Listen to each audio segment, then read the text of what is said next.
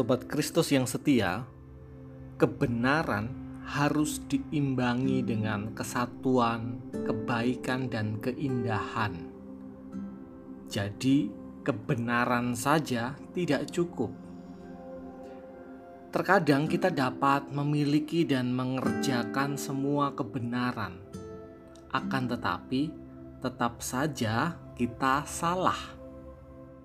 T.S. Eliot pernah berujar bahwa godaan terbesar manusia adalah melakukan perbuatan benar untuk alasan yang salah. Artinya, kita bisa melakukan tindakan yang benar, namun salah. Mengapa demikian? Sebab energi, intensi, atau keterarahan dan motivasi kita salah. Sobat Kristus yang setia, dalam perumpamaan tentang anak yang hilang di Injil Lukas pasal 15, kita dapat melihat bahwa anak sulung adalah sosok yang selalu bertindak benar. Ia mengabdi kepada sang bapa dengan setia. Ia tidak memiliki kekurangan dan tidak cacat secara moral. Ia tidak meminta warisan sebagaimana si bungsu. Ia juga tidak berfoya-foya dan menikmati semua kesenangan duniawi. Dia hidup dengan lurus, menaati semua perintah bapaknya, dan melakukan semua pekerjaan yang diminta. Namun, ironisnya, dia sebenarnya tidak benar-benar ada di dalam rumah bapaknya. Sebab manakala si bungsu kembali di dalam ayat 28 diungkapkan bahwa ia tidak mau masuk dan justru memilih berada di luar rumah. Apakah yang membuat si sulung yang selama ini telah melakukan segala sesuatu dengan benar justru berada di luar. Mengapa si sulung ada di luar? Jawabnya adalah karena ia menyimpan kemarahan dan kepahitan. Tindakan si sulung benar, akan tetapi ia salah sebab hatinya diliputi kepahitan dan amarah.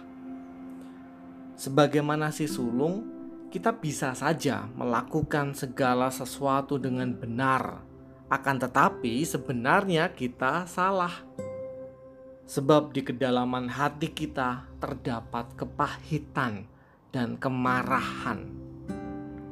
Kita bisa saja menasehati mereka yang salah kita bisa juga menegaskan dan menyatakan kebenaran, meluruskan hal-hal yang tidak tepat kepada anggota keluarga, kepada orang-orang yang ada di tempat kerja, di lingkungan tempat tinggal kita, atau rekan sepersekutuan. Akan tetapi, kebenaran yang kita sampaikan tidak akan didengar dengan baik, bukan karena kebenaran kita keliru, melainkan karena energi dan motivasi yang melandasinya dipenuhi oleh arogansi, amarah, dan kepahitan. Sobat Kristus yang setia, kepahitan dan kemarahan bukanlah energi yang tepat untuk menyalakan dan menghidupi kebenaran. Kebenaran bukanlah semacam palu godam yang dapat kita gunakan untuk begitu saja memukul semua yang kita anggap salah. Kebenaran adalah undangan bagi kita untuk memperlakukan orang lain secara hormat. Kita bisa saja setia melakukan semua kebenaran secara cermat dengan teliti.